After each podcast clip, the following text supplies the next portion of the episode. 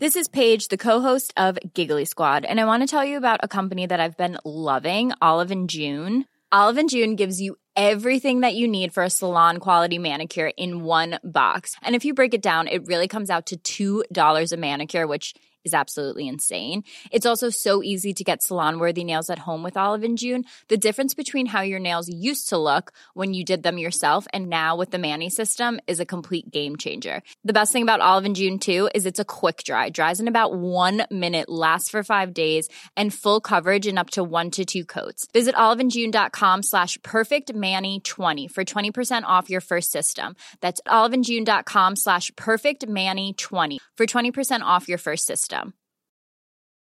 Hiring for your small business? If you're not looking for professionals on LinkedIn, you're looking in the wrong place. That's like looking for your car keys in a fish tank. LinkedIn helps you hire professionals you can't find anywhere else, even those who aren't actively searching for a new job but might be open to the perfect role. In a given month, over 70% of LinkedIn users don't even visit other leading job sites. So start looking in the right place. With LinkedIn, you can hire professionals like a professional. Post your free job on linkedin.com slash people today. Hey, it's Ryan Reynolds, and I'm here with Keith, co-star of my upcoming film, If, only in theaters May 17th. Do you want to tell people the big news? All right, I'll do it. Sign up now and you'll get unlimited for $15 a month in six months of Paramount Plus Essential Plan on us. Mintmobile.com slash switch. Upfront payment of $45 equivalent to $15 per month. Unlimited over 40 gigabytes per month. Face lower speeds. Videos at 480p. Active Mint customers by 531.24 get six months of Paramount Plus Essential Plan. Auto renews after six months. Offer ends May 31st, 2024. Separate Paramount Plus registration required. Terms and conditions apply if rated PG. Wow. Nice. Yeah. What you're hearing are the sounds of people everywhere putting on Bombas socks, underwear, and t-shirts made from absurdly soft materials that feel like plush clouds. Yeah, that plush. And the best part? For every item you purchase, Bombas donates another to someone facing homelessness. Bombas. Big comfort for everyone. Go to bombas.com slash ACAST and use code ACAST for 20% off your first purchase. That's bombas.com slash ACAST. Code ACAST. I'm amazed how many people own stocks. They, they would not be able to tell you why they own it. They couldn't say in a minute or less why they own it. Actually, you really press them down and say, the reason I own this is the sucker's going up. There's enough cash in the financial system, and there is an infinite amount of cash at the Federal Reserve, an infinite amount Put of cash. Put that check in a money market mutual fund. Then we'll reinvest the earnings into foreign currency accounts with compounding interest, and it's gone. So they had to do something. All they had left was just to print money and start buying things. And that's what they did. Quick buck artists come and go with every bull market, but the steady players make it through the bear market. They say money can't buy happiness. Look at the fucking smile on my face. Hej och välkommen till ett nytt avsnitt av Market Makers. Härligt att vara tillbaka va? Även om man känns lite ringrostig efter att ha haft semester här några veckor. Att tala för dig själv. Jag har haft en extremt produktiv sommar. Det har varit nya case, eh, plockat in lite nya bolag i portföljen och... Eh, oj, oj, oj, oj. Ja, jag, jag tyckte att det var fantastiskt. Det som är kul med börsen nu är att det är ju mycket, mycket svårare än vad det varit de senaste åren, vilket jag tycker faktiskt är jäkligt kul. Eh, har du fel, gör du inte tillräckligt mycket analys, eh, tänker du fel helt enkelt så blir du straffad otroligt hårt. Och så självklart brukar du bli straffad otroligt hårt i björnmarknader, men det känns att antagligen som har blivit straffad extra hårt för de senaste åren, och nu tänker jag inte bara 2021 och 2020 utan även 2019, 2018 och så vidare, så kanske de senaste fem åren, så har du kunnat göra rätt många misstag utan att bli särskilt straffad. Du har kunnat komma undan äh, rätt lindrigt och äh, nu ser vi en rätt stor pivot här åt andra hållet, vilket jag tycker är rätt, äh, rätt uppfriskande faktiskt. Och det gör ju att du verkligen måste vässa Eh, din, liksom, din, din analyskunskap, dina eh, skills, för annars kommer du bara torska en, en massa pengar. Det, du kan inte längre bara köpa vad som helst som du tror kommer gå upp och så sitta där och så går det upp. Nu måste du faktiskt ha någon typ av analys i bakgrunden och du måste faktiskt veta vad det är du köper och jag tycker det är oerhört kul just nu. Det låter som den klassiska sägningen att nu är det en stockpickers market. Man, man, det säger alla alltid. Man, man, man, säger alltid det och jag säger inte att jag inte har gått på en massa nitar år, för det har jag. Jag, jag har som tur är en liksom helt okej okay avkastning i år jämfört med många andra. Eh, men jag hade en rejäl drawdown under sommaren. Eh, och det är helt enkelt att jag reagerade tillräckligt snabbt, Ja, det- till exempel på att Ja, det är väl framförallt Borg gissar jag på som, eh, den gick ner väldigt kraftigt när det kom ut n- ny information om att man, finansieringslösningen, men man levererade i princip ingen faktisk, inga faktiska siffror om hur de skulle göra, lösa finansieringen. Eh, så den följer riktigt rejält där. Exakt, och det var inte så att allting sk- skedde direkt. Det var ju liksom att vecka på vecka på vecka. Men jag var för långsam på att agera när risk materialiserades och Eh, det, det blir man liksom straffad av. Eh, och sen såklart hela energisektorn liksom, gick ju ner och jag har ju varit väldigt lång energi i år. Och då, då får man helt enkelt tänka, kommer det här komma tillbaka? Finns, liksom, är fundamentan fortfarande samma? Jag eh, tror ju att fundamentan är kvar där, även om det är väldigt volatilt. Så jag tog ett tillfälle i akt och köpte in till exempel lite kolbolag i portföljen, som jag tyckte blev eh, extremt straffade här nu och visade sig vara en hyfsad eh, hyfsad trade. Men som sagt, du, du måste vara med på det som händer, annars blir du otroligt straffad. Och jag vet inte, jag tycker att det, det har varit väldigt, väldigt kul i år, även om det har varit väldigt mycket svårare än vad det, vad det varit tidigare. Och jag märker ju själv att eh, när det är så lätt som det varit de senaste åren så blir ens kunskap, du blir lite avdankad helt enkelt. Jag tror många känner igen sig. Du kanske inte analyserar lika djupt. Eh, du kanske inte tänker på riskerna lika mycket. Och Här, riskerna har inte spelat så mycket roll faktiskt. Exakt, för du har ju inte blivit straffad. Och har en risk materialiserat sig, då har du kunnat komma undan, som sagt, väldigt, väldigt lindrigt. Och nu är det helt tvärtom. Nu om någon risk materialiserar sig, ja då kan ju liksom eh, bolaget falla med 25-50 procent bara på en dag eller en vecka.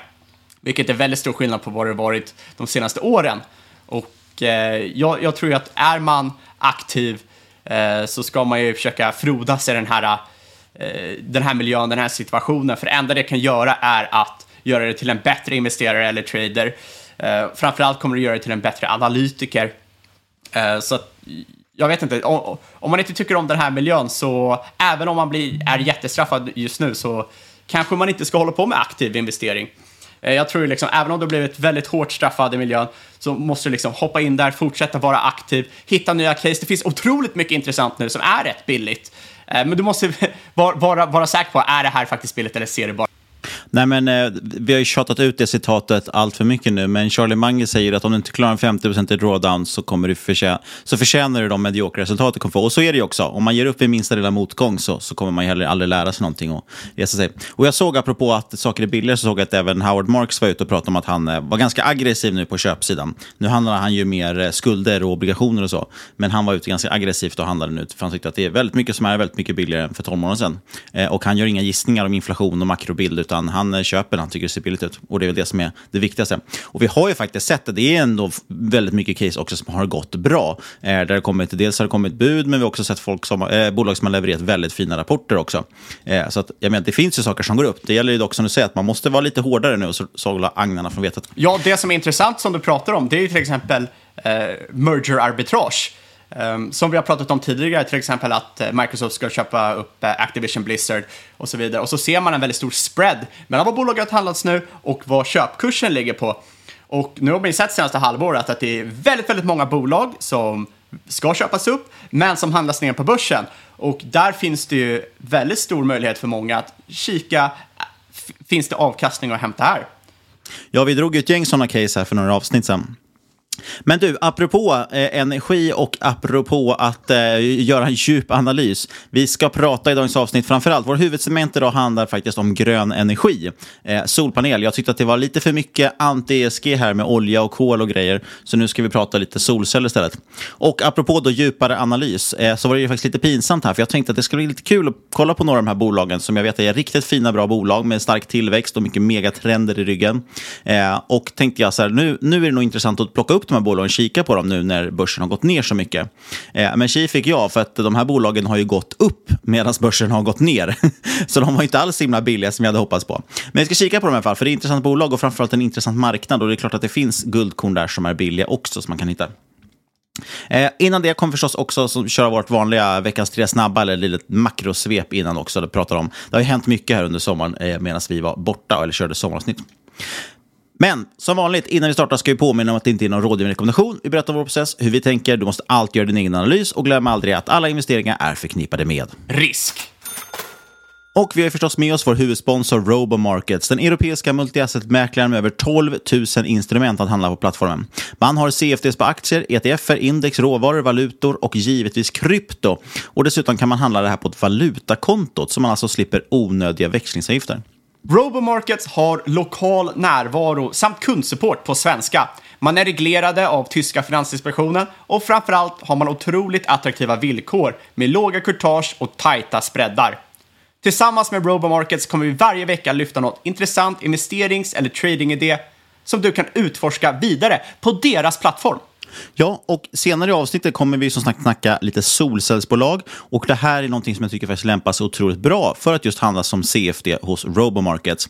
Dels är det superenkelt att gå både kort och lång, vilket inte är lika enkelt på din vanliga nätmäklare. Så du kan gå både kort och lång väldigt smidigt med de här aktierna. Så att antingen om du tycker att det här är intressant att rida vidare på den här trenden och, och jobba med momentum, ja, då kan du gå lång. Eller om du tycker att de är, det här är hypat och övervärderat, ja, då kan du gå kort. Eh, så du har alla möjligheter. Dessutom är det här amerikanska aktier vi kommer att titta på. Eh, och då gör ju Robomarkets valutakonto det här otroligt fördelaktigt. Så du slipper de här onödiga och dyra växelavgifterna. Ja, och dessutom erbjuder Robomarkets handel med ETFer som underliggande tillgång. Vilket ju möjliggör att du kan ta ett bet på Invesco Solar ETF om man vill ha exponering mot hela sektorn istället för enskilda bolag. Det är ju mycket smart. Vill du veta mer om Robomarkets? Besök då robomarkets.se och följ deras Twitterkonto att robomarkets.se. Länkar finns i avsnittbeskrivningen. Och är du nyfiken på att testa, ja då kan du alltid skapa ett demokonto för att känna och klämma på plattformen. Som med alla investeringar är det viktigt att man förstår hur instrumenten fungerar. Handel med CFDs innebär alltid en hög risk att förlora pengar och det är viktigt att vara påläst innan man handlar. Fullständig riskinformation finns på Robomarkets hemsida. Vi säger stort tack till Robomarkets. Vi hoppar in på lite nyhetssvep här. Det har ju hänt väldigt mycket under sommaren och det finns ingen chans att vi kan täcka allting. Men något jag tyckte var väldigt intressant det var att juli nu som precis har lagts till böckerna eh, blev ju en väldigt stark månad faktiskt för globala börser. Eh, det är ganska intressant med tanke på att vi har haft det är väl sex månader, varenda månad i princip år har ju varit negativ på börsen. Och nu äntligen fick vi en positiv månad. Och det hänger ju såklart ihop med att vi under den här tiden också sett en avmattning av de här kraftigt stigande räntorna i USA. Amerikanska tioårsräntan har ju rört sig från toppen på 3,5% ner till nu 2,6% under juli. Eh, och mycket talar dock tyvärr kanske för att den här uppgången var ett bear market rally. Eh, för vi har fortfarande inte sett rejäl arbetslöshet eller riktigt pressade marginaler på grund av inflationen. Eh, men de här sakerna borde, kunna, borde börja synas nu under hösten eh, i och med att det är en recession vi kommer in i. Och då finns det en rejäl risk då förstås att börsen ska ner igen. Jag såg en notering faktiskt från en av de här stora investmentbankerna att de ansåg att marknaden prisade in en nedgång på mellan 15 till 20 procent i vinst per aktie. Och Då kan man ställa sig frågan om det är tillräckligt eller inte, eller om vi ska ner mer eller inte. Eh, sen är vi ju kan man säga officiellt in i recession. Det beror på lite hur man definierar förstås. Eh, en klassisk definition är att det är två kvartal i rad med negativ BNP-tillväxt och det har man nu i USA. Men eh, det gick ju Vita huset ut och sa att ja, stopp, stopp, stopp, det är inte recession än. Vi måste också se att vi har eh, kraftig arbetslöshet. Och det har man inte än. Det är det som är lite speciellt med den här recessionen, att vi inte ser det. Eh, men det här är ju också någonting som laggar. Alltså arbetslösheten brukar komma efter eh, BNP-tillväxten eh, stannar av. Så att, jag skulle vilja påstå att det, är en, en lite av en no-brainer att vi kommer komma in i recession, men den är officiellt inte här än. Ja, det, det som är svårt här nu är ju dels att avgöra hur mycket av en recession som är inprisad i aktiemarknaden. För att börsen bottnar ju alltid innan ekonomin bottnar. Så att bara för att eh, bolag kommer komma ut med sämre siffror eller ekonomin kommer vända neråt så betyder det inte att börsen kommer göra det. Börsen kan ju, fram, börsen kan ju stiga på att ekonomin går ner, vilket många tycker är väldigt konstigt, men är det inprisat så är det inprisat och då förutsätter liksom börsen att det här kommer hända. Du har redan liksom tagit ut den nedgången Nej, man kan ju säga det apropå det du sa med att eh, börsen bottnar ju för ekonomin. Eh, enligt Bloomberg så bottnar aktiemarknaden i snitt fyra månader innan recessionen officiellt är över, om man tittar på historiska recessioner. Exakt, och, men det som är så svårt här är, tänk om det här är till exempel ett bear market rally, är det dags att korta? Vem vet, det är så otroligt svårt i eh, liksom björnmarknader att veta hur länge ett sån här rally kan pågå. För när eh, börsen är extremt översåld och alla är otroligt bearish, då tenderar liksom börsen att ralla extremt hårt. Det fanns 25-procentiga rallys i eh, 2001 och 2008. Och då trodde ju många att världen skulle gå under. I alla fall 2008. Det såg ut som hela liksom, banksystemet skulle gå omkull. Och ändå hade vi sådana här extrema rallys på börsen. Eh, så det är väldigt svårt här att se någon typ av fundamenta i de typerna av rallys och veta när, var, hur man ska korta. Eh, volatiliteten är helt enkelt ödesdiger här. Och just nu är vi dessutom väldigt, kanske lite extra beroende av just också Fed-uttalanden. Eh, till exempel såg vi ett väldigt starkt dagsrally när eh, Fed-chefen gick ut och höjde räntan med 0,75. Eh, och då var det många som undrade varför går börsen upp när han höjer räntan? Men det handlar ju om hur han uttrycker sig. Med att han menar på att nu har vi nått upp till den neutrala räntan, nu kommer det kanske inte bli så mycket mer höjningar och så vidare. Och det tycker börsen då är positivt. Så att vi är väldigt, väldigt beroende också av vad Fed gör och det där är ju väldigt svårt att prognostisera förstås. Eh, speciellt som lekman. Men om man ska äga någonting då i den här miljön, för det vill man väl kanske göra, eh, då såg jag att Ray Dalio var ute i media nu, den här legendaren, eh, som för övrigt var en av de vi väl porträtterade i vår allra första sommarserie, tror jag. Han sa för att han ser framför sig nu en period med stagflation. Det här har vi ju täckt in i vår sommarserie i år. Det är ju, stagflation är ju alltså när ekonomin stagnerar, du har negativ BNP-tillväxt och du har inflation. Och då säger Ray Dalio att man måste vara beredd på att positionera sig inför stagflation. Eh, och Dalio han jobbar ju väldigt mycket med tillgångsallokering. Så det handlar kanske inte så mycket om aktieval, utan snarare vilka typer av tillgångar man vill äga i olika scenarion. Han har den här klassiska all-weather portfolio, det vill säga en, en portföljsammansättning som ska funka i alla typer av väder, oavsett om inflationen går upp eller ner och BNP upp eller ner. I den så säger man att man ska äga statsobligationer när man har fallande BNP-tillväxt och man ska äga guld och andra råvaror när inflationen stiger. Problemet är att vi har båda de två sakerna samtidigt nu och då vill du absolut inte äga obligationer eftersom de ju sjunker i pris när räntorna går upp, vilket de gör när vi har inflation. Eh, då tycker jag man kan istället kolla på de här företagen som jobbar med kvadranter. Eh, till exempel har vi Hedgeye, men det finns ett gäng andra som jobbar med liknande. De bygger på ett liknande koncept, grundkoncept som, som Allware Portfolio, det att du ska ha olika tillgångslag vid olika typer av, av eh, makromiljöer. Eh, men de har ju faktiskt också kvadranter då, så att man kan få in stagflationer här. Eh, och det är lite intressant, i stagflationsscenariot så visar det sig då att de bästa tillgångslagen att äga, det är faktiskt just guld och råvaror. Då. Eh, Medan det sämsta man kan äga är obligationer som jag sa. Eh, vill man dock äga aktier, ja de sektorerna som är hetast då, det är utilities, eh, det är tech faktiskt, det är energi och industrials.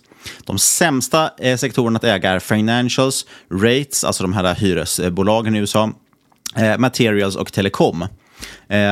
Sen dessutom så pratar man lite om stilfaktorer, alltså olika typ av sätt att investera.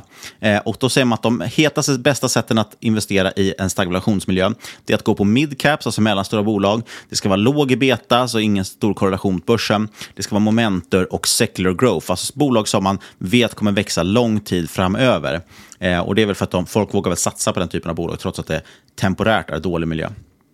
Eh, lite förvånande faktiskt. De sämsta eh, stilarna att investera, det var faktiskt defensivt, värde och high yield. Och dessutom också small cap som ratas. Så det tyckte jag var lite intressant faktiskt att, eh, att titta på. Det, finns, det är det som historiskt i alla fall har varit det som eh, funkar och inte funkar i stagflationsscenarion.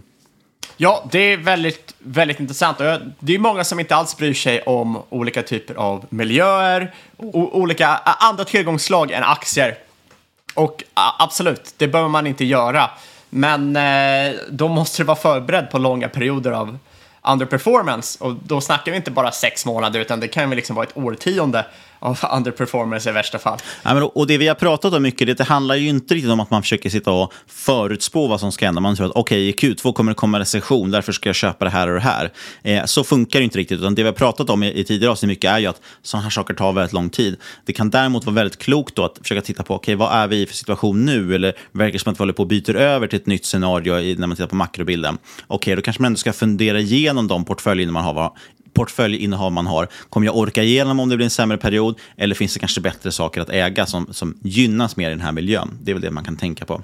Eh, till exempel nu, som sagt, när räntorna har gått upp, ja, men då kanske man verkligen ska fundera igenom vilka av sina bolag som är väldigt räntekänsliga. Exakt, och det ty tycker jag att många, många missar. Det är, de kan köpa ett jättebilligt bo bolag och sen visar det sig att ah, nej, de här blir ju helt fuckade av räntor de kommande åren. Och då helt plötsligt är, är det inte så billigt längre. Eh, så man måste, ta, man måste ta hänsyn till sånt där. Och vi kanske tjatar lite mycket på det. Men det har varit mycket senaste, senaste tio åren om att sånt här inte spelar någon roll för vi har haft väldigt låga räntor. Senaste 20 åren egentligen. Eh, och då gör ju att folk får väldigt mycket tunnelseende på vad som fungerar. Man tar inte riktigt hänsyn till att historien, eh, historia brukar ju kanske inte upprepa sig, men det brukar rimma. Vad brukar man säga? Jag vet inte. Men Exakt så säger man. Man, man, man, man, man brukar säga så här. Och jag, jag tycker inte att det är så konstigt då att du kanske kollar tillbaka till vad som har hänt de senaste hundra åren för att, ha, för att få någon form av facit på vad eventuellt kan hända framöver och sen försöka ta något rationellt bett på vad kommer, kommer hända framöver. Att bara, stoppa huvudet i sanden, det, det tror jag, i sådana här Situationen tror inte jag är 100% korrekt heller. För jag menar, om, om du ska underavkasta då är det lika bra att bara sälja allting och köpa index. Ja, men du, jag tycker vi tar och hoppar in på dagens huvudavsnitt. Vi ska snacka lite grön energi, framförallt då solceller. Och eh, det här handlar ju om att det finns en enorm medvind. Jag tänkte börja med lite makrobild och sen tänkte jag lite snabbt bara ytkolla igenom tre stycken intressanta bolag på det här temat. Eh, ja, okej, vad är det som talar då för solceller? Ja, men dels såklart, vi har ju eh, energikrisen som var just nu. Det saknas helt enkelt el. Vi är väldigt beroende av, av gas och så vidare också om man vill ställa om till grönt istället. Eh, Dessutom har vi en stor elektrifieringsvåg. Fler och fler köper elbilar eller laddhybrider. Eh, om vi såg ju nu i Sverige till exempel, inför, vill man införa nu att det ska bli ett förbud mot fossila bilar att säljas eh, om ja, det var drygt tio år ungefär. Eh, och fler och fler vill ju då ha solceller för att kunna generera sitt eget bränsle helt enkelt. Det är ju lite cool eh, känsla faktiskt att vara självförsörjande på bränsle till bilen. Eh, men sen är det faktiskt en stor del här, och det är det där anledningen till att jag vill lyfta upp det lite just nu. Det är att det här just med att vi som sagt, går in i kanske ett recession, eller stagflationsscenario. För det är ju faktiskt det kan låta lite, mot, lite konstigt, det känns som att de här bolagen borde drabbas av det, att det blir sämre tider. Men faktum är att i dåliga tider så brukar det göras väldigt stora satsningar eh, för att liksom få igång ekonomin igen. Då satsar liksom fis man, man fiskalt då från, från regeringen och så vidare. Och de här satsningarna kommer till stor del hamna på grön energi när det gäller infrastruktur. Och det är ju helt enkelt för att vi har den här ESG-trenden och så vidare bakom också. Så jag tror att de här satsningarna kommer accelereras kraftigt. Eh, man vill helt enkelt stimulera ekonomin för att komma ut ur den här dåliga perioden. En liten sak som kanske talar emot det i USA det är förstås det att vi har midterms här i höst och då tror man ju att republikanerna kommer vinna huset och därmed blir det kanske lite mindre grönt fokus i USA. Men det här är så pass stora hjul som, som snurrar just nu så att jag tror att det fortfarande kommer satsas på det väldigt enormt, om inte annat utanför USA. Men vi kan nämna då exempel på lite satsningar. Eh, till exempel såg vi nu i slutet på juli att eh, kongressen i USA gick ut på att man jobbar på en ny version av den här eh, Build Back Better-planen som Biden lanserade när han kom in i ovala rummet. Det är tänkt som en av de största satsningarna i USA sedan 30-talet. På 30-talet lanserade man The New Deal som skulle råda bot på den stora depressionen som vi avhandlade i sommarserien. Biden hade sin Build Back Better-plan. Jag har ärligt talat inte följt alla turerna kring det här, men som jag förstått det så fick man inte igenom det här för att den helt enkelt är för stor och för dyr och, och för mycket satsningar som framförallt kanske republikaner inte vill ha. Men nu i juli då, så kom det positiva nyheter om att det kommer en light-version av den här planen som jobbas på. Eh, och den här då kommer heta istället Inflation Reduction Act. Och det kommer vara väldigt positivt för grön energi för det satsas hundratals miljarder dollar på det. Eh, ett av målen man vill nå med den här Build Back Better Plan är att man ska göra amerikansk bilindustri great again. Eh, troligtvis då genom såklart satsning på elektrifiering. Man pratade i originalplanen om att man ska ge närmare 150 miljarder dollar som incitament för att skaffa elbil. Eh, 15 miljarder dollar kommer riktas specifikt mot att bygga laddstationer och man vill se att en femtedel av USAs skolbussar ska bli elektri- elektriska. Ja, och så börjar Tesla producera skolbussar nu. Exakt. Här har vi, här har vi precis långcaset för Tesla Ja, helt enkelt. För de har ju levt på subventioner senaste årtiondet. Och självkörande och ibland så buggar det lite och så råkar de köra in i en en vägg någonstans. Äh, nej, men två andra mål i den här planen syftar till exempel också till att bli ett koldioxidneutrala till 2035 och man ska pursue a historic investment in clean energy innovation. Det är lite bullish. Den nya light-versionen av Build Back Better Plan kommer alltså kallas The Inflation Reduction Act. Det ligger ju i tiden nu att man vill få ner inflationen och då maskerar man de här satsningarna på det sättet. Det handlar bland annat om att energi är en stor del av inflationen och då vill man helt enkelt bli mer energioberoende. Man vill satsa mer på till exempel grön energi och vara självförsörjande för att få ner priserna på energi. En annan åtgärd man vill införa för övrigt, kanske ett sidospår, men jag tyckte det var lite intressant, eh, det var ju att man vill införa minimiskatt på 15% för företag som omsätter mer än en miljard om året. Det här skulle kunna påverka väldigt många amerikanska börsbolag som historiskt ju lyckats pressa ner sin skatt till nära noll på olika sätt. Sen var en annan stor nyhet som kom här under månaden, eh, att Biden slopar de här tilltänkta tarifferna som man tänkte ha på solpaneler och komponenter till solpaneler. Eh, Specifikt mot fyra länder, Kambodja, Malaysia, Thailand och Vietnam. Varför är de här länderna intressanta kan man undra. Jo, eh, enligt Reuters så står de fyra länderna för 80 procent av amerikansk solcellsimport. Och det här beror på att man misstänker att det är Kina som slussar produkter via de här länderna för att slippa tullarna mot Kina helt enkelt. Och det är inte sån liksom, konstig gissning egentligen, för att Kina står ju för 79 procent av eh, polysilikonindustrin. Uh, nu översätter jag direkt från engelska, så eventuellt att jag säger... Ja, poly polykisel om man ska po vara petig. Poly polykisel, ja, för det andra är ju någonting helt annat. Det är någonting som plastikkirurger använder. Exakt. Uh, 97 procent av så kallade sunwafers, 85 procent av solceller, 75 procent av solpaneler. Så att hela solindustrin kommer från Kina just nu. Och det är helt enkelt för att eh, man har diverse skäl dragit ner på det i väst och då har ju Kina tagit över hela produktionen. Men precis, det här var också faktiskt en del, det hade jag inte skrivit ner i mina anteckningar, men det görs också en jättestor satsning på att ta, mer, ta hem mycket mer halvledarindustri till USA också, inte vara så beroende av Kina och Taiwan. Eh, så det är också ganska intressant faktiskt att det kommer satsas jättemycket mer på att flytta hem produktion av, av halvledare bland annat. Men även EU satsar förstås. Eh, vi har European Green Deal som klubbades 2020. Den syftar till att göra EU klimatneutralt 2050. Eh, och kriget i Ukraina har förstås ökat viljan ytterligare att göra sig oberoende av rysk gas. Vi ser det bland annat i att eh, det har ju svängt konsensus om, om kärnkraft. Nu är man ju för kärnkraft och vill satsa mer på det. Men problemet är att kärnkraft är beroende av politiska beslut. Det tar väldigt lång tid att genomföra. Vad kan man göra direkt här och nu i sin vardag som privatperson? Jo, det allra enklaste man kan göra är att installera solpaneler. Och det ser vi att man gör också. Då blir man själv sin elproducent och kalkylen ser väldigt aptitlig ut nu tack vare alla de här stora bidragspaket och subventioner och så vidare som världens regering har infört. Eh, och som sagt, man ser att det här funkar. Eh, för tio år sedan hade enbart 0,3 procent av alla friliggande villor i USA solceller. Idag är den siffran runt 4 procent. Det är en enorm ökning på alltså mer än 25 procent per år. Eh, men det finns fortfarande en jättestor marknad att växa på. Ett estimat från solcellsbolaget Sunrun, som vi ska återkomma till, eh, är att man, vill, man ska kunna nå 17 procent av alla friliggande villor i USA om knappt tio år. Och Det vore en årlig, årlig tillväxt på runt 15 procent. Dock som sagt ganska optimistisk siffra och det kommer ju från ett solcellsbolag, så ta den med en liten nypa salt. Några andra däremot, det är amerikanska energimyndigheten. De säger att hälften av årets tillväxt inom elproduktion kommer att komma från just solenergi. Det är den, den typ av energiproduktion som växer allra snabbast. Globalt är siffran till och med aningen högre. Eh, och antalet installationer av solceller slog nya rekord förra året. Och även i år förväntas antalet installationer fortsätta växa trots högre materialkostnader. Eh, amerikanska energimyndigheten räknar med 8 tillväxt i år jämfört med 6% förra året. Och det kan jämföras mot till exempel vindkraftverk, där, ah, eh, där antalet nya installationer istället minskade med nästan 20% år 2021. Det tyckte jag var lite intressant. Det är inte så konstigt heller att eh, rätt stor del av liksom, produktionstillväxten kommer från till exempel solceller när man stänger ner stor del av annan elproduktion också. Eller inte tillåter det att eh, växa som det kanske skulle gjort eh, Eh, organiskt. Nej, men där, däremot så skulle ju vind kunna ha varit en stor del och det tror man att det kommer under 2022 för att bland annat Kina bygger stora vindkraftsparker. Eh, men absolut, och börjar man starta upp kärnkraftverk igen och bygga nya så kommer det antagligen bli en stor del av tillväxten också.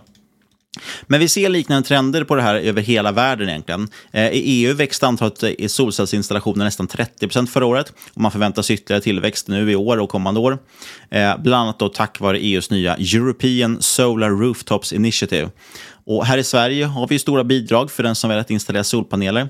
Under förra året ökade antalet installationer med över 20 här hemma. Eh, tittar man på effekten så ökade den närmare 30 procent. så det tyder på att installationerna blir större också. Sen är det ju grejen att solceller är fortfarande en väldigt liten del av total produktion och det kommer väl tyvärr fortsätta vara så. Eh, exakt hur stor andel till exempel av svensk elproduktion som kommer från sol mäts inte exakt, men man uppskattar det till kanske runt 1 procent. Inte jättekonstigt, vi bor på en mörk och jävlig plats. Det som gör dock solceller väldigt intressant det är att det är kostnadseffektivt. Speciellt jämfört kanske till exempel med, med vindkraft. Eh, amerikanska energimyndigheten menar att även med de här, alltså dagens höga elpriser och höga materialkostnader så har solpaneler ändå utökat sin kostnadsfördel mot andra energislag. Eh, och det är väl för att det är en av få energislag där det fortfarande görs ganska stor innovation för att öka produktivitets, eller produktionskapaciteten. De blir liksom mer och mer effektiva för varje år som går, eh, till skillnad från många andra energislag som kanske är ganska konstanta. Just det här med materialkostnader. Alltså senaste året bara har ju till exempel stålpriset ökat med 50 procent. koppar ökat med 70 procent. och den här typen av kisel som du nämnde, polykisel som man använder till solpaneler, den har fyrdubblats i pris senaste året. Totalt räknar man att råmaterialen till solpaneler har ökat med i snitt 15-25 procent. Men trots det som sagt så, så fortsätter det att bli allt mer kostnadseffektivt. Så det är ganska intressant. Även om det är en väldigt kort tidsperiod man har räknat på då. Absolut. Som, som, som alla hör så är jag, eh, tar jag motsatt sida här, lite djävulens advokat. ja, men det är bra. Vi ska ha en, en bull och en bear. Det är bra. Till skillnad från att vi håller med varandra om allt. Eh, Kina måste vi nämna. Kina står ju nämligen för närmare hälften av den här nya elkapaciteten som adderades under förra året. Eh, mycket faktiskt drivet av eh, just de här offshore vindkraftverken som jag pratade om. Eh, så det är inte bara solceller, men eh, andelen solceller växer också väldigt mycket. Man gör, har ju såklart världens största solkraft, eh, solcellspark, eller vad kallar man det för, i Kina. Så de satsar väldigt mycket på det också. Statliga satsningar på solenergi introducerades i Kina för över tio år sedan. Man var ganska snabbt världens ledande eh, producent förstås och slutet på 2020 stod man för över en tredjedel av världens installerade solcellskapacitet. Så de är som vanligt alltid best in class. Eh, men även där så sagt så utgör det fortfarande bara några, någon procent eller några procent av total elproduktion. Eh, så det är inte så att kärnkraft och vattenkraft och all annan elproduktion inte längre behövs. Även om solenergi som sagt är fantastiskt på många sätt. En grej som jag tycker det pratas ganska lite om det här med vätgas. Det tycker jag personligen känns som en jätteintressant och viktig komponent. Framförallt när vi tittar på, på typ containerfartyg och flygplan och så vidare. Saker som man kommer ha väldigt svårt att få med sig stora batterier.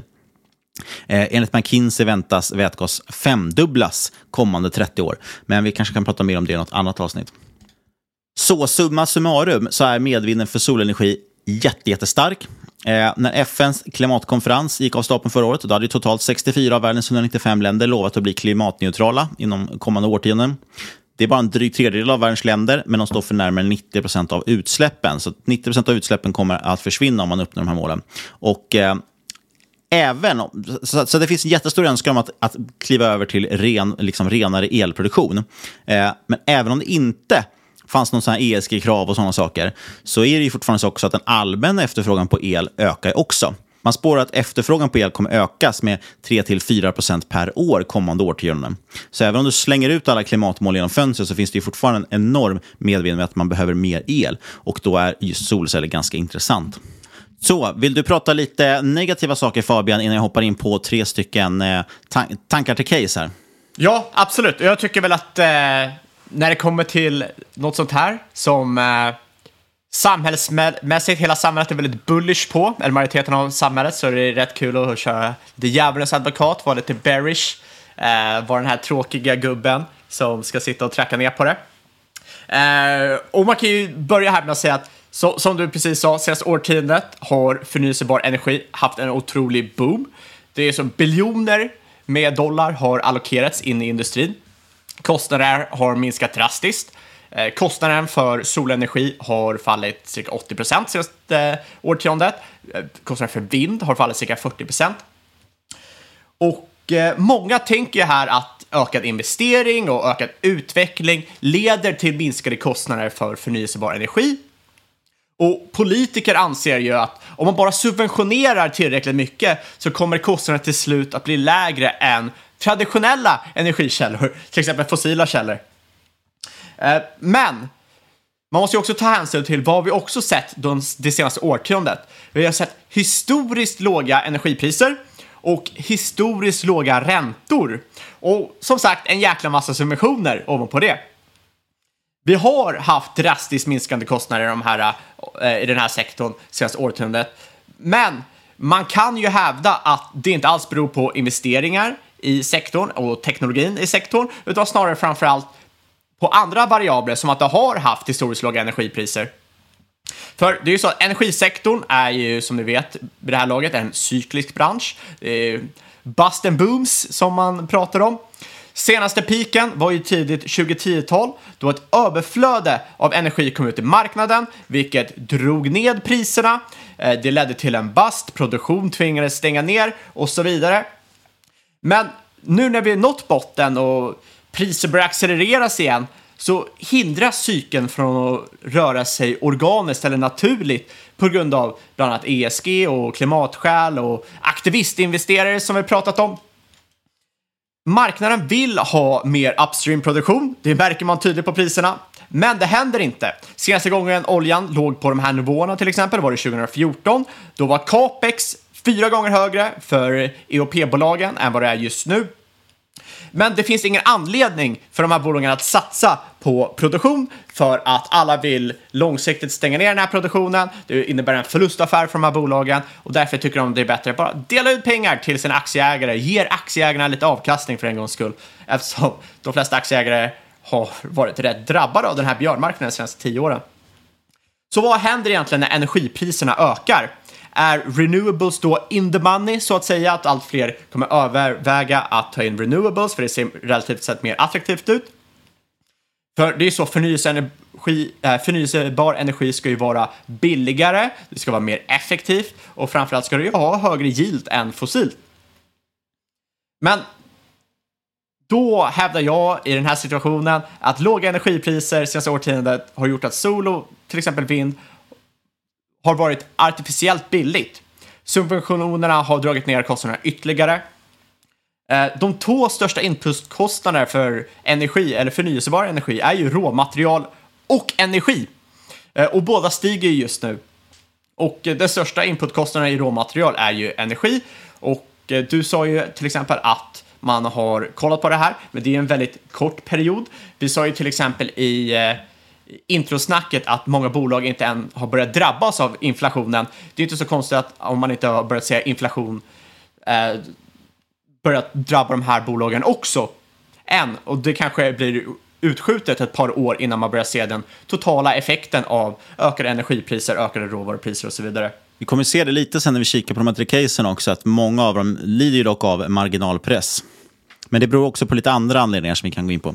Ja, så man kan ju äh, äh, tycka, man kan ju ha, en liksom, liten teori att när energikostnaderna allmänt ökar så är det rimligt att de verkliga kostnaderna så att säga eh, kommer att visa sig. Man pratar ofta om normaliserad ränta, men det kanske också borde pratas om normaliserade energikostnader.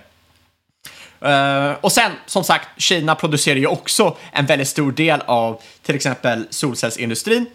Eh, eller ja, allting egentligen i solsektorn. Och det gör ju att man har ju subventionerat allt det här med Kinas billiga kolindustri. Så att eh, man måste ju ta lite hänsyn till det också när man tänker på eh, ESG-faktorn. Men det har inte med det här att göra, för nu pratar vi ren avkastning, ren marginal. Jag tror, inte många, jag tror inte så många tar hänsyn till det när de beställer solceller faktiskt. Att det, det har gått åt, det har eldats väldigt mycket kol för att få till de där solcellerna i Kina. Och eh, det snackas ju också väldigt mycket om att det är forced labor, alltså slav, eh, slavkraft i princip, som, som också gör att priserna är låga. Exakt, men... Så det kan man tänka på nästa gång man laddar Teslan med sina egna solceller. Nu ska vi bara kolla på det finansiära, det monetära. För det är det som spelar roll i slutändan. Om folk har det bra, äh, skitsamma. Så varför kan man inte bara använda förnyelsebar energi för att producera förnyelsebar energi? För nu är det så, vi använder mycket kol och naturgas och fossilt för att tillverka eh, våra, eh, vår förnyelsebara energi, våra solceller och så vidare. Ja, du har ju en sak som heter Energy Return on Investment, eller EROI, alltså inte ROI, utan som är Return on Investment, utan EROI, Energy Return on Investment. Och där är alltså förhållandet mellan energi producerat i relation till den energi som användes för att producera energin.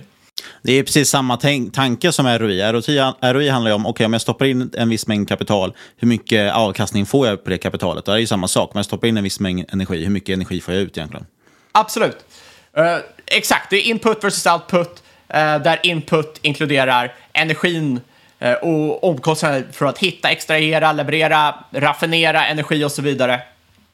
Och där är den ledande faktorn för priset för energi eftersom effektivare energikällor innebär lägre energikostnader. Och det är ju självklart, har du en energikälla som, där du kan mata in en enhet energi och få ut 100 enheter energi, då är det såklart billigare än om du får ut två enheter energi.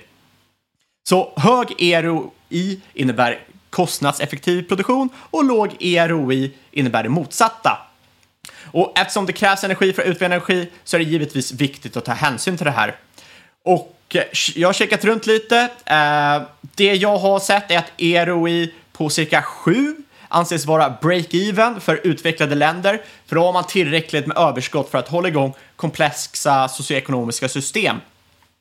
Eh, det räcker ju inte bara att tillverka tillräckligt så att, eh, så att det är 1-1, för då kommer du ju ingen vart. Och 1 till 2, ja då kanske du bara har tillräckligt med, eller 2 till 1, då kanske du bara har tillräckligt med energi för att eh, liksom ge alla lite pasta att käka. 3 till 1, ja då kanske de får lite kött och så vidare. Du behöver rätt mycket extra energi för varje enhet du stoppar in för att du ska kunna ha en ekonomisk tillväxt och en tillväxt i samhället.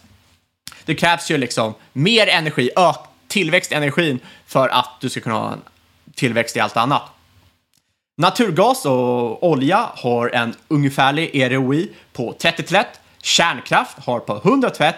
Och solenergi är lite otydligare. Man ser väldigt olika siffror eh, vart man än kikar. Eh, men jag har hittat rätt många som visar att sol har en EROI på 20 till 1, vilket alltså är lägre än till exempel naturgas. Men kollar man lite djupare här så ser man att många kalkyler till exempel ignorerar användandet av billig el eller eh, effektivare källor eller externa kostnader som land. Eh, man har väldigt positiva eh, antaganden kring livstid och output och kapacitet. Och vad det egentligen innebär är att när du ska sätta upp solceller så sätter de ju såklart på den absolut bästa platsen först. Du sätter dem inte i en mörk skog. Du sätter dem ju ute på ett öppet fält där det finns jättemycket sol. Men det finns ju bara så många öppna fält. Eh, så att det betyder att när, eh, när du når skala så kommer kapaciteten naturligt avta för du får sämre och sämre platser att sätta upp solenergi på. Och så justerar man på detta så faller er ROI rätt snabbt ner till typ 5 till 1. Uh, eh, vilket är en rätt stor skillnad från 20 till 1. Och självklart ska man ta de här livscykelanalyserna med en stor nypa salt. Det är extremt svårt att kalkylera det här korrekt. Det kräver extremt många antaganden. Men det jag har sett är i alla fall att många av livscykelsanalyserna tyder på att solenergi har en lägre EROI än vad till exempel naturgas och olja har och framförallt lägre än vad kärnkraft har. Men, och det, det är inte det jag vill komma fram till. Jag, jag bryr mig inte så mycket om det exakta talet och det tycker jag inte ni ska göra eh, heller här. Eh, för det är inte vad vi ska gå in på i den här podden som inte är någon energipodd. Men jag tycker det är lätt att förstå att om du har en energikälla med högre EROI som du har just nu, för vi använder mycket kol och eh, naturgas och eh, kärnkraft, och det här används för att ta fram energikällor med lägre EROI, det, som eventuellt solceller är om de här eh, analyserna jag läst är korrekt. Eh, och samtidigt stänger av de här källorna som har de här högre, eh, högre EROI så kommer ju output över tid att minska, vilket innebär att kostnaderna kommer öka. För att du ersätter ju hög EROI med lägre EROI och då kommer du ju få lägre eller mindre energi ut i systemet och det innebär att kostnader ökar. Och det här i samband med till exempel höjd ränta kommer ju dra upp avkastningskravet Uh, och det innebär ju hög risk här för intäkt och marginalpress för de här typerna av bolag.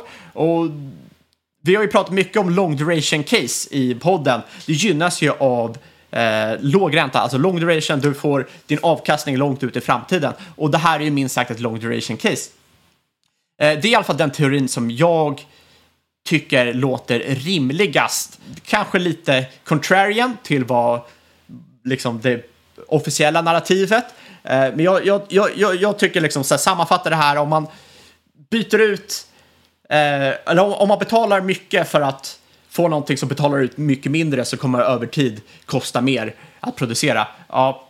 Men nu, Fabian, nu pratar ju om den verkliga världen och, och eh, fakta och så vidare. Och nu handlar det här om att eh, politiker vill ju bara visa att man satsar på någonting som är förnyelsebart. Det är egentligen det som är det viktiga, vad man signalerar.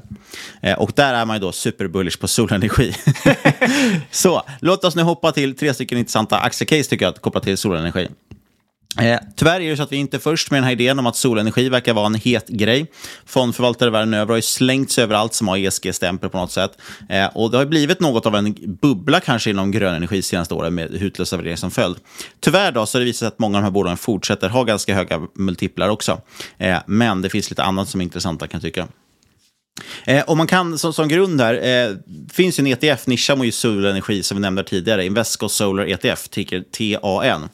Eh, den ETFen förvaltar drygt 2,5 miljarder dollar, och investerar runt 40 aktier som är utvalda och rankade efter just deras exponering mot solindustrin. Eh, och den här fonden har faktiskt stått mot väldigt bra i raset. Senaste året är ETFen bara ner 2,5 procent. Det kan man jämföra med exempel OMXS30 som är ner mer än 15 procent under samma period. Eh, jag har plockat ut tre godbitar ur innehaven på den här fonden. Och Det första då, det är ju Solar Edge Technologies. Som är, ja, vi måste ha pratat om dem tidigare i podden. Jag tror inte jag tagit upp det som case, men vi har garanterat nämnt dem.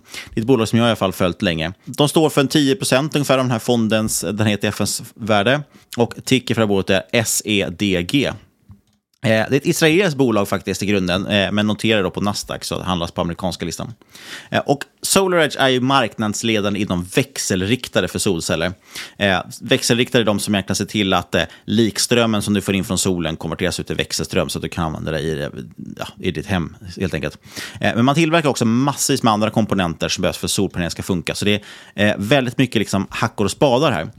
Dessutom nu har man ju satsat på att bli liksom helhetsleverantör, så man har ju en app som kunderna kan ha för att få översyn på sin produktion. Man har laddningslösningar för elbilar, man har batterier till och med faktiskt också kommer nu.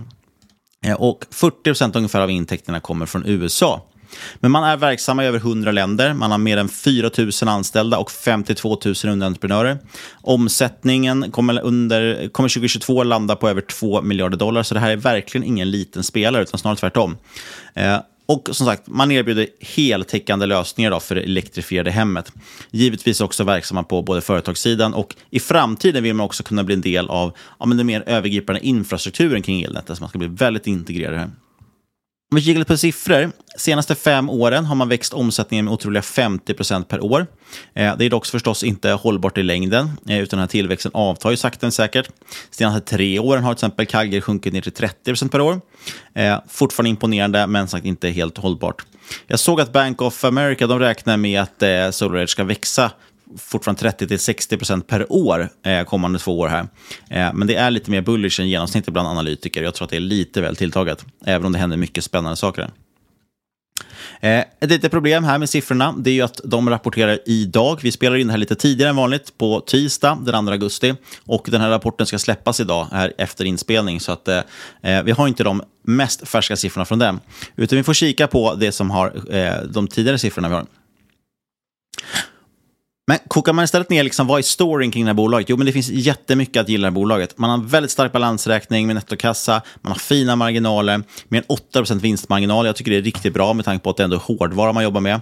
Eh, och att trots att som sagt, insatskostnaderna har skjutit i höjden de senaste åren. Men tyvärr ser man en tråkig trend här som jag nämnde tidigare, att marginalerna sjunker. Senaste fem åren har den sjunkit från att topp, toppnoteringen var ju på 17% vinstmarginal år 2017. Det är ganska otroligt. Eh, men idag har den tickat ner med, med 10 procentenheter. Eh, och jag tror att det här drivs av ett antal faktorer. Det är det som säger att, att materialkostnaderna blir dyrare, men också att energipriser har ökat nu såklart de senaste åren. Men sen handlar det också tror jag, om att det är mördande konkurrens. Det är fler och fler som konkurrerar. Jag såg bara idag trillar in en nyhet om att det, det kommer en stämningsansökan mot SolarEdge. Man sett att de har gjort ett patentintrång. Så det blir liksom trängre och trängre mellan de här konkurrenterna och det gör att det driver ner priserna också. Men man har fortfarande ändå sagt fina marginaler. Och just SolarEdge har haft en väldigt unik position genom att som sagt sälja de här världsledande växelriktarna. Eh, och det har gjort att man kan hålla då höga marginaler. Jag såg en annan sak också förresten. Eh, senaste earnings callet, eh, alltså för förra kvartalet, så sa man också att högre fraktkostnader var en del problemet. Alla har ju liksom haft logistikproblem efter, efter covid eh, och man valde att inte skjuta över den här ökade fraktkostnaden på kunder i backloggen som hade beställt för länge sedan, så ville man inte låta dem betala för det, så det är också en liten temporär effekt. Eh, men tyvärr, det här caset är riktigt, riktigt dyrt, vilket är synd för det är ett så fantastiskt intressant bolag. Över P 100 har man på historiska siffror. Eh, räknar vi lite framåt enkelt och vi kan sätta in 30 tillväxt år och lite svagare marginal, eh, då får vi ett P på ganska exakt 100. Och det kan man väl tycka är dyrt Fabian, eller vad säger du? Eh, ja, det, det, det kan ju vara lite, li, lite dyrt oavsett vad det är för bolag. Och det är ändå intressant då, för då tänker man att det här borde ju ha slaktats i den här eh, liksom börsbäsen. Men nej, aktien är plus 40 procent senaste året och närmare 30 procent plus year to date, alltså sedan årsskiftet. Det är otroligt starkt. Och det är väl det som kanske är lite case här som är intressant. Dels är det intressanta bolag att hålla koll på, men jag tror också att det finns någonting här i, för den som gillar att liksom handla lite mer momentum och trendföljande. Eh, för trenden i de här bolaget är otroligt stark. Dessutom, för den som är lite mer aktiv, tror jag att man också kan göra ganska intressanta trades här, eftersom aktierna är väldigt volatila. Eh, vilket gör, alltså gör att man kan kanske hålla på och köra en liten köpa-dippen-strategi om man till exempel gillar det. Ja, Vi går vidare, tänk... Ja, förlåt. Jag, jag, jag tänkte bara nämna där att dels så pratar vi om Solar Edge i avsnitt 117, så att det är väl 100, typ 150 avsnitt bakåt i tiden. Eh, då får ni lite, om ni lyssnar på det avsnittet får ni lite refresher på eh, caset kring Warhammer. Eh, men också att det här med subventioner är ju intressant såklart för att det gör ju att många, det, många av de här bolagen får lite ekonomi. Eh, men det gör ju också att många kommer ju kunna bygga ohållbara affärsmodeller, likt det vi har sett i VC-industrin senaste årtiondet. För att när du får gratis pengar, du behöver inte bygga rationella företag som kan överleva av sig själv, utan du kan ju bygga du kan ju helt enkelt starta ett företag där det är race to the bottom. Sälja så billigt som möjligt. Och som vi har pratat många gånger om tidigare, om du säljer en hundralapp för 50 spänn, vem fan kommer inte ta den dealen? Men om de här om, om då VC-bolagen, eller i det här fallet staten, drar tillbaka pengarna, då kommer ju företaget att fallera. För de kan inte överleva på det. Nej, och, och, det är en viktig poäng och det är därför jag tycker också ganska viktigt att de här bolagen är lönsamma idag. Sen hur stor andel av deras vinstmarginal som kommer från att liksom, det finns subventioner och så vidare, ja det kan man diskutera. Eh, samtidigt så tror vi att de här subventionerna kommer fortsätta ett bra tag. Men de är höglönsamma fortfarande idag. Och jag hoppar över till ett annat bolag som också är väldigt lönsamma och väldigt likt på många sätt. Eh, det är dessutom största innehavet i den här ETFen och det är Enphase Energy, eh, ticker ENPH. Det här är lite intressant. Tittar man på börsvärdet så är de dubbelt så stora som SolarEdge. Eh, SolarEdge är värt 20 miljarder dollar knappt eh, jämfört med Enphase som är uppe på nästan 40 miljarder dollar i market cap. Och det är lite lustigt, för då tänker man ja, men då kanske omsättningen också är dubbel. Nej, utan omsättningen är faktiskt lägre i Enphase. Hela 25 procent lägre för hela 2021 jämfört med SolarEdge. Men dubbla market cap. Den är lite intressant tycker jag. Eh, Kanske lite förklaring att man har starka marginaler. Här har man 11 vinstmarginal. Eh, men vi ser också här den här negativa trenden där man de senaste tre åren har halverat vinstmarginalen. Eh, tittar man på nuvarande siffror, alltså rullande 12, då får man ett P tal på härliga 245. Eh, det börjar kännas lite, lite 2019 om det här tycker jag. ja, eh, ja. Men även här sagt, otrolig omsättningstillväxt. Femårs kagge för omsättning på över 30 procent. Senaste tre åren har omsättningstillväxten varit dubbelt så hög, alltså 63 procent per år har man växt senaste tre åren. Och nu bara mellan 2021 och 2020 växte man närmare 80 procent. Så här är en stor skillnad med Solar, jämfört med SolarEdge och det är att Enphase har en tydligt accelererande tillväxt. Eh, så det är någonting som händer där bordet och det är kanske det som motiverar den här högre prislappen. Eh, alltså som marknaden tycker motiverar. Eh, jag räknar med 60% omsättningstillväxt för 2022, aningen svagare marginal och då får man P lite under 200. Eh, så det är fortfarande superdyrt. Och även tycker jag om man räknar kanske två, tre år framåt så det är svårt att få liksom, övertygande P tal på de bolagen. Eh, P80 fick jag ut på 2024. Så att handlar lite såklart om hur optimism är i sina kalkyler, men framförallt tror jag att här måste man våga liksom rida den här trenden om man ska eh, titta på de här bolagen. Ja, jag tycker det är rätt intressant där att liksom tänka vad bör vara en vettig värdering på ett sånt här typ av bolag. För enligt mig är det här bara ett energibolag.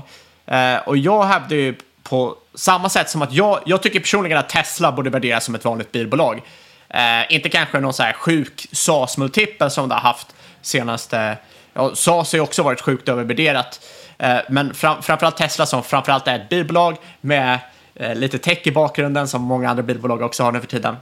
Så bör det värderas som andra bilbolag. Eh, och då tycker jag att förnyelsebar energi bör ju rimligen värderas på samma sätt som traditionell energi också. Eh, det vill säga ensiffriga multiplar för de här energibolagen bör ju rimligen också vara cykliska. Det finns ju ingen anledning varför de inte skulle vara det om inte jag helt missförstår någonting. Ja, men jag tror det man, man ska tänka, för man kan inte riktigt jämföra med, med ett eh, energibolag eftersom de säljer ju ingen energi. De producerar inte och säljer inte energi, utan de säljer komponenter till, till en industri som är extremt eh, subventionerad och, och har en liksom stor megatrend. Åtminstone, åtminstone några år framåt så kommer det växa väldigt, väldigt kraftigt. A absolut, men de Dessutom... säljer till bolagen som borde, så då, liksom, då borde de ju också vara cykliska. Absolut, cykliskt kommer det vara. Men du kan fortfarande ha en, en 5-10 års liksom megatrend i det här, eller stor tillväxt. Absolut, absolut. Och sen får man som sagt ta hänsyn också till det här med flöden och så vidare, att folk letar efter den här typen av investeringar bara snabbt, eh, man gör ungefär samma sak som SolarEdge. Eh, man säljer sina växelriktare, givetvis massa andra komponenter och kringprodukter. Eh, för en lekman som mig tycks de vara väldigt innovativa, kanske till och med mer innovativa än SolarEdge, vilket då skulle kunna vara förklaring till den explosiva tillväxten senare åren. Man har också 80% av intäkterna i USA, så det är alltså dubbelt så mycket som Eh, och det är en annan grej som gör de här bolagen intressanta. Det är väl lite så som vi pratade om med SAS-bolag. De är väldigt cash light och så vidare. Att man liksom, eh, det går att ha höga marginaler och det är samma sak här. Väldigt cashlight, man har inga stora dyra fabriker eller stor headcount och så vidare. Eh, utan det, det, är väldigt liksom en ganska asset-light business som har gjort att man kunnat uppvisa fina historiska vinstmarginaler. Den här aktien har också gått superstarkt, eh, plus 53 procent senaste året och lika mycket då plus eh, year to date. Så ett annat intressant bolag att kika på. Tredje case jag tänkte ta in är lite annorlunda bolag som jag tycker är intressant. Och här går vi vidare neråt i innehavslistan på, på den här ETFen. Sunrun med ticken Run. Det känns ju som att det borde vara något sportskomärket som har den ticken. eh, men det är Sunrun som har den. Eh, och de här är nischade mot installation av solceller, framförallt hos amerikanska privatpersoner. Så här snackar vi ett, ett pure play på någon som vill ha eh, liksom solcellsinstallationerna. Eh, dessutom med lite, med lite spännande finansieringslösningar som jag kommer komma in på. Eh, man är nummer ett inom solpaneler för hushåll med över 660 000 kunder. Eh, kundtillväxten har snittat 20% per år. och senaste kvartalet här nu så växer man till och med kundbasen närmare 30 och här är det intressant, jämfört med SolarEdge och Enphase, de är ju som du säger väldigt cykliska, de säljer komponenter, de är beroende av att det liksom produceras solceller. Medan Sunrun, de jobbar framförallt med att de leasar ut sina solceller. Vilket gör att de får liksom långsiktiga kundrelationer och återkommande intäkter. Det är det där magiska ordet som alla letar efter. Så att de genererar faktiskt redan idag närmare en miljard dollar om året i återkommande intäkter för sina kunder. Och man räknar med att de här kontrakten har en livslängd på runt 17 år då, i dagsläget. Så att man säljer framförallt då solsystem för hushåll där man själv står för installation med mera och sen leasar man då systemet till slutkunden. Eh, så kunden slipper frontkostnaden utan de betalar bara löpande men samtidigt som de också genererar då förstås intäkter i form av solenergi. Eh, sen dessutom, jag, jag tycker det är lite trixigt att förstå deras upplägg. Men Sunrun finansierar ju också upp runt 95-100% av kundvärdet, alltså det framtida kundvärdet, direkt vid installation. Och därmed då slipper man ligga ute med cash och man får liksom en cash upfront. Eh, där gör man dels med skuld, men också förstås väldigt mycket kring med statliga stöd också. Så det är någonting man skulle behöva gräva lite i för att förstå helt den här strukturen. Eh, de lyfter fram det som en otrolig, eh, fantastisk cashflow-del eh, där. Och det är väl klart, man, man realiserar ju framtida, eh, framtida cashflow och får ut den redan idag. Eh, och man har en enorm efterfrågan hos kunderna, det ser också SolarEdge och, och Enphase. Eh, backloggen, backloggen växer kraftigt och man ser också att man lyckas parera ökade kostnader ganska fint i, i senaste kvartalsrapporten. Eh, vilket också då kommer beräknas ge ett omsättningslyft framåt om man avverkar den här backloggen. Så man har pushat ut prisökningar till kunderna. Eh, man ökar till och med senaste kvartalet sin guidance. Eh, från att man har räknat med att man kommer ha 20% tillväxtinstallationer så säger man att man kommer ha 25% tillväxtinstallationer. Så att det ökar tillväxttakten. Sen bara apropå deras produkter, så jag såg i senaste kvartalet också eh, att de lanserade en ganska coolt samarbete med Ford. De släpper en ny elbil som heter F150 Lightning. Och istället för att bara kunna använda elbilsladdaren från eh, Sunrun och ladda bilen så kommer du kunna vända på flödet och alltså använda elbatteriet i din elbil till att eh, driva huset om du skulle få ett strömavbrott. Så det är någonting för alla, alla preppers där ute. Lite rörigt att räkna på det här bolaget eh, på grund av den här finansieringsstrukturen tycker jag. Och man får på pappret väldigt stora förluster. Och det bör man nog räkna med att de fortsätter kommer ha även i framtiden så länge de satsar på tillväxt. Kikar man där på PS-talet istället, alltså vi tittar på omsättningsmultipeln, så ligger i alla fall den betydligt lägre än de två andra bolagen. Men det blir som sagt lite, äh, lite orättvist när Sunrun är ett så markant annorlunda bolag. Price of sales för Sunrun ligger lite under 4, medan det för SolarEdge ligger på 9 och Enphase hela 25. Och något annat som är lite intressant är att det här, den här aktien har gått betydligt sämre än de andra två bolagen också. På ett år är Sunrun ner 40% och tittar man från årsskiftet så är det minus 12% och Det kanske är för att det är lite mer räntekänsligt i och med den här finansieringen. De andra bolagen har stora kassor, här har man mer skulder. Eh, man jobbar ju med de här skulderna vid, vid kundinstallationer. Men sen har vi sett ett tydligt trendskifte det sista kvartalet eh, där aktien är upp närmare 40 procent eh, i samband med just de här nya satsningarna som Biden har utannonserat med eh, på bland annat solcellsinstallationer. Så att man kommer att ha en fantastisk tillväxt framåt, eh, men som sagt lite svårare att räkna på tycker jag. Och eh, även här lite krångligt eftersom de rapporterar mellan inspelning och släpp av avsnittet. Så att inga vilda gissningar kommer att bli från vårt håll. Nej, det är intressant hur väl de här aktierna har presterat i, eh, i år med tanke på hur mycket andra typer av long duration-tillslag och techbolag och så vidare har fått smaka på den. Ja, och det är därför jag tycker att det är intressant att kika på de här. Eh, just för att som sagt, att jag, jag i alla fall som håller på lite med momentum, momentum och så också, tycker att det är alltid intressant att, att studera liksom vilka som är vinnarna. Varför har de här hållit sig så kraftigt mot allting annat? Och eh, den stora förklaringen som jag ser, det är ju ESG-trenden. Och att den Absolut. bara tycks accelerera ytterligare. Absolut, och antagligen får du något typ av golv där med Eh, subventioner och framförallt framtida ökade subventioner som gör att eh, investeringar i dessa typer av bolag ser mycket mer attraktiva ut eh, än vad andra eh, relaterade investeringar kanske gör. Till exempel techbolagen som inte har subventioner i ryggen. Så där har ni det. Solenergin, både för och nackdelar samt tre stycken intressanta case att börja gräva i. Och med det tycker jag vi tackar för idag. Som vanligt ska vi snacka lite innehållsförteckning. Jag äger inte aktier i något av de här tre bolagen. Gör du det Fabian? Jag gör inte det. Jag snackar ju egen bok, jag äger ju bara kol, så ta allt jag säger med en eh, nypa salt. Det är därför du gillar de här eftersom de eh, producerar sina solceller med kinesisk kol. Det är sant. Vi ska påminna att det inte är något du hört den här podcasten som rådgivning. Alla åsikter, egna och gäster och eventuella sponsorer tar inget ansvar för det som sägs i podden. Tänk på att alla investeringar är förknippade med risk och sker under eget ansvar.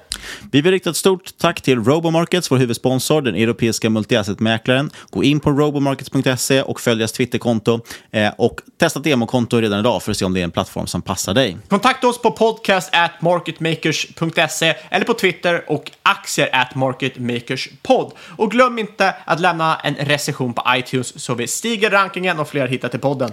Ja, och känns superhärligt att vara tillbaka. Så sist men absolut inte minst vill jag säga stort tack kära lyssnare för att just du har lyssnat. Vi hörs igen om en vecka.